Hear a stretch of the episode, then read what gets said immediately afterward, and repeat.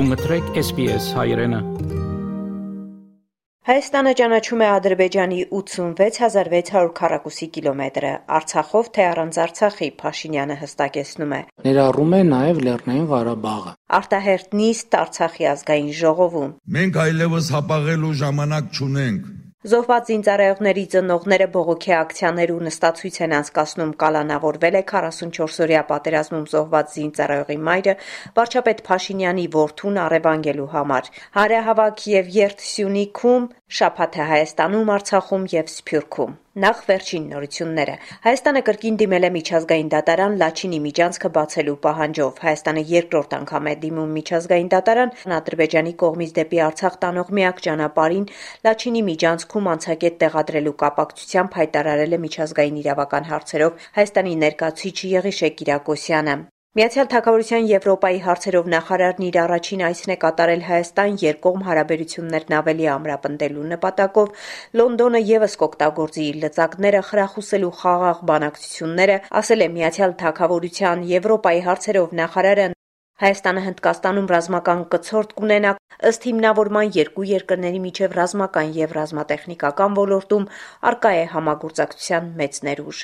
Առաջիկայում հանդիպումներ են սպասվում Մոսկվայում, Քիշնևում եւ Գրանադայում։ Փաշինյանը քիչ հավանական է համարում, որ մայիսի 25-ին նախատեսված մոսկովյան հանդիպման համար ինչ որ փաստաթուղթ պատրաստ կլինի։ Մոսկվայում մայիսի 19-ին կայացել է Ադրբեջանի, Ռուսաստանի եւ Հայաստանի արտգործնախարարների երրակողմ հանդիպումը, Վարչապետ Նիկոլ Փաշինյանը մայիսի 22-ին ասուլիս է հրավիրել պատասխանելով լրատվամիջոցների հարցերին։ Մոտ 4 ժամ տևած ասուլիսում նա անդրադարձել է Երևանի եւ Բաքվի միջև բանակցությունների խաղաղության պայմանագրի ընթացքին, ինչպես նաեւ ներքաղաքական հարցերին, ասել է, որ Ադրբեջանի հետ խաղաղության պայմանագրի շուրջ ինտենսիվ բանակցություններ են ընթանում Սակայն պայմանագիրը կնքելուց առաջ Հայաստանի քաղաքացիների կարծիքը ճշտելու նպատակով չի կազմակերպվի հանրակրվե, բացատրել է Ես չեմ ուզենա, որ մենք որևէ ձևով ստեղծենք տպավորություն, թե մենք փորձ ենք անում մեր քաղաքական պատասխանատվությունից խուսափել Փաշինյանի խոսքով միջազգային հանրության ընկալումն ավելի ու ավելի շատ է հակվում այն բանաձևին,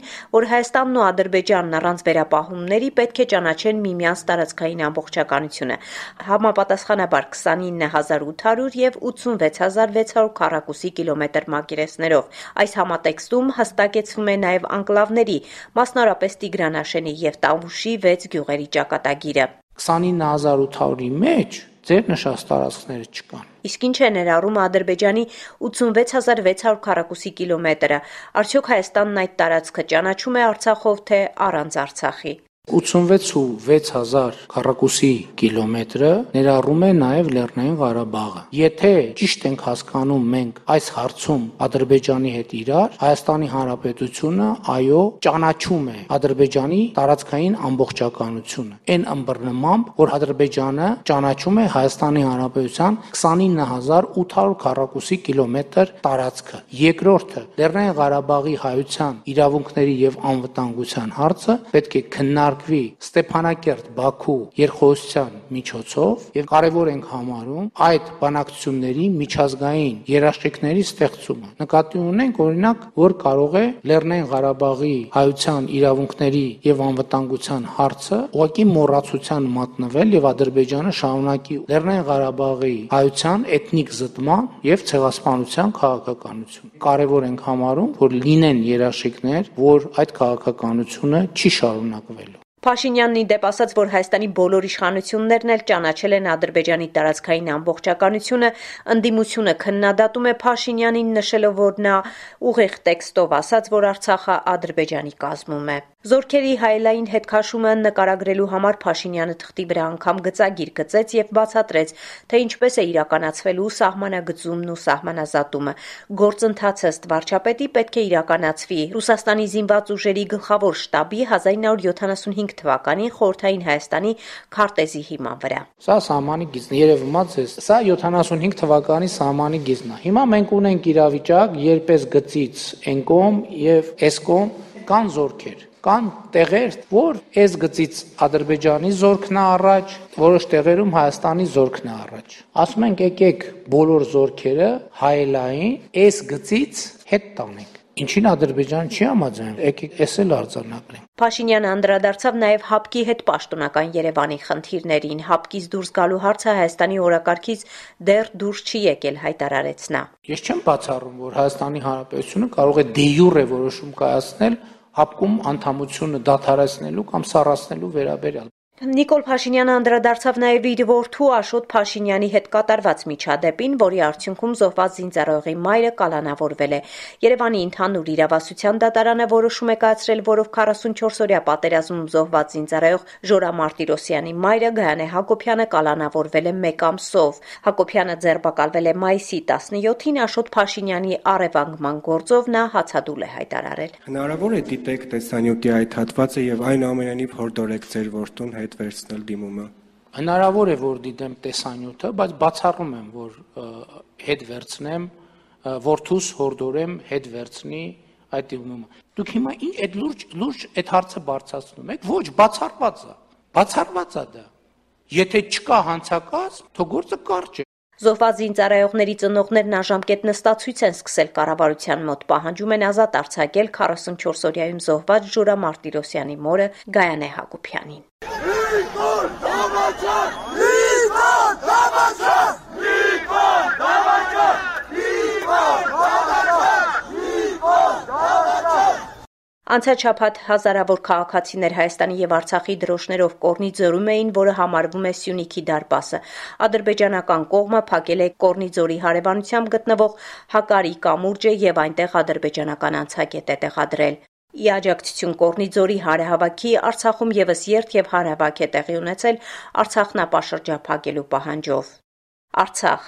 Երևանում Նիկոլ Փաշինյանի ասուլիսում հնչեցրած հայտարարությունից հետո Արցախի ազգային ժողովը նույն օրը մայիսի 22-ի ուշ երեկոյան արտահերտ նիստ գումարեց, դատապարտելով Փաշինյանի հայտարարությունը Արցախի ազգային ժողովի նախագահ Արթուր Թովմասյանը նշեց Հայաստանի վարչապետը անտեսելով ու զրոյացնելով Լեռնային Ղարաբաղի Հանրապետության անկախության հռչակագիրը հրապարակավ հայտարարել է, որ Հայաստանը պատրաստ է ճանաչել Ադրբեջանի 86600 քառակուսի մետր տարածքային ամբողջականությունը, որը ըստ Փաշինյանի Փաշինյանի ներառում է նաև Լեռնային Ղարաբաղը, սակայն Լեռնային Ղարաբաղի հայության իրավունքների անվտանգության հարցը պետք է քննարկվի Բաքու Ստեփանակերտ երկխոսությամբ, մեջբերել է Փաշինյանի խոսքերը։ Կոչ ենք անում աշխարհասփյուր հայությանը, Հայաստանի Արցախի ճակատագրով մտահոգ հասարակությանը սատար կանգնել Արցախայության իր հայրենիքում խաղաղ եւ անկախ ապրելու եւ արարելու անշեղ եւ վճռական կամքին Հարգելի падգամավորներ, մենք այլևս հապաղելու ժամանակ չունենք։ Յուրաքանչյուր վարքյանը թանկ է մեր ապագան փրկելու համար։ Ընթերցվեց Արցախի ազգային ժողովի հայտարարությունը, Խորապես անհանգստացած արկավտանգավոր իրողությամբ Արցախի Հանրապետության ազգային ժողովը կոչ է անում համայն հայությանը թույլ տալ Հայաստանի Հանրապետության օրվա իշխանությունների կողմից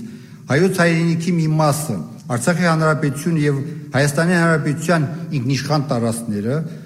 Անկլավների անման տակ Ադրբեջանի զիջելու ուղված աղետալի քայլերը, ինչը անխուսափելիորեն հանգեցնելու է հայկական պետականության կորստին։ Միաժամանակ դիմում ենք Հայաստանի Հանրապետության եւ Արցախի Հանրապետության նախկին ու գործող նախագահներին կոչ անելով դատապարտել Նիկոլ Փաշինյանի 2023 թվականի մայիսի 22-ի արած հայտարարությունները այլապես ձեր լրությունը կդիտարկենք որպես Հայաստանի Հանրապետության վարչապետի հետ համաձայնության նշան։ Սփյուռք. Լոս Անջելեսի քաղաքային խորհուրդը քվեարկել է Լոս Անջելեսի արևմուտքում գտնվող խաչմերուկներից մեկը Արցախի հանրապետության հրապարակ անվանելու օկտին։ Ըստ քաղաքային խորհրդի նախագահ Փոլ Քրեկորյանի գրասենյակի խաչմերուկն ընտրվել է այն պատճառով, որ այնտեղ է գտնվում Լոս Անջելեսում Ադրբեջանի հյուպատոսությունը։ Գերմանիայցի շրջանակներում Հայաստանի Սփյուռքի գլխավոր հանձնակատար Զարե Սինանյանը հանդիպումներ է ունեցել գերմանացի պաշտոնյաների հետ, ինչպես նաև հայ համայնքի ներկայացուցիչների։ Քյոլն քաղաքում գլխավոր հանձնակատարը հատկապես կարևորել է հայերենի պահպանման հարցը եւ դիմել քաղաքապետին քննարկելու Քյոլնի հանրային դպրոցներում սովորող հայազգի դպրոցականների համար հայերենի դասաժամի ներառման հնարավորությունը։ Եվ վերջում արդեն 5-րդ գարունն է, որ աշխարհն ապրում է առանց Ազնավուրի, սակայն նրա երգերը հավերժ գերել են մարդկանց սրտերը։ Հայաստանի ազգային հերոս, դիվանագետ, շանսոնյե, կոմպոզիտոր, բանաստեղծ, գրող եւ դերասան Շարլ Ազնավուրը ծնվել է 1924 թվականի մայիսի 22-ին։ Նրա իսկական անունն էր Շահնուր Վաղինեկի Ազնավուրյան։ Ըստ Times ամսագրի եւ CNN-ի համատեղ հարցման Ազնավուրը ճանաչվել է 20-րդ դարի լավագույն զվարճացնողը։ Դուք կհաղթեք աշխարհը, որովհետեւ եւ գիտեք թե ինչպես հուզել։ Շարլ դե Գոլն է ասել նրա մասին։ Գիտա Այլիբեկյան, SBS-ի հայկական ծառայության համար։ Կուզես լսել նման բանություններ, կընտրե Apple Podcast-ի, Google Podcast-ի, Spotify-ի վրա, կամ որտեղեն որ podcast-ը դուք լսես։